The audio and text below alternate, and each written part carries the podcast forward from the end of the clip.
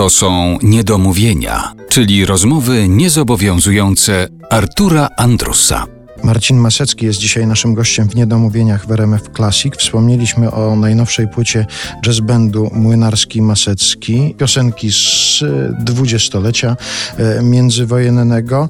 A ja chciałem skorzystać z okazji, że spotykamy się w stacji, która nazywa się RMF Classic i zapytać pana właśnie o klasik. Co dla pana jest klasyką? Bo też e, gdzieś w jakiejś rozmowie a propos tej płyty, czy może poprzedniej płyty jazz bandu, pan do klasyki zaliczył i właśnie piosenki z dwudziestolecia międzywojennego i Chopina. I pan je jakoś blisko siebie No, postawił. klasyka w najszerszym tego słowa znaczeniu to y, jest po prostu jakieś zjawiska, które są na tyle istotne w, historii społeczności, grupy, jakichś ludzi, że po prostu stanowi, są materiałem budulcowym tożsamości indywidualnej i wspólnej. No i Chopin jest y, niewątpliwie ważny dla historii Polski, dla tego, czym Polska jest. I tak samo w tym przypadku muzyka rozrywkowa z lat e, 20. i 30. Co może nie jest tak oczywiste, gdyż no, w naszej historii wydarzyła się druga wojna światowa e, i potem PRL, więc ten czas został przykryty trochę. No i czujemy wspólnie z Janem i z całym naszym pokoleniem, że mamy okazję teraz przypomnieć sobie ten czas, odświeżyć sobie go.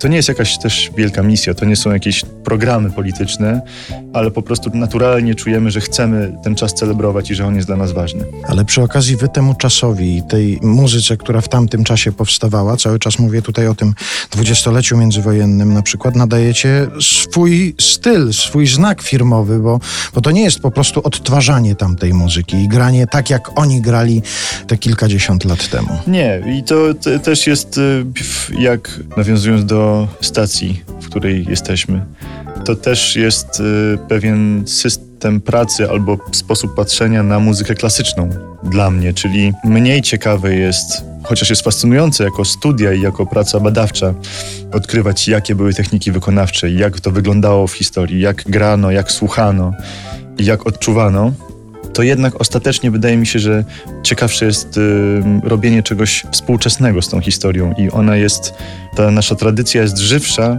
jeżeli ją nie odtwarzamy, tylko jeżeli ją przetwarzamy.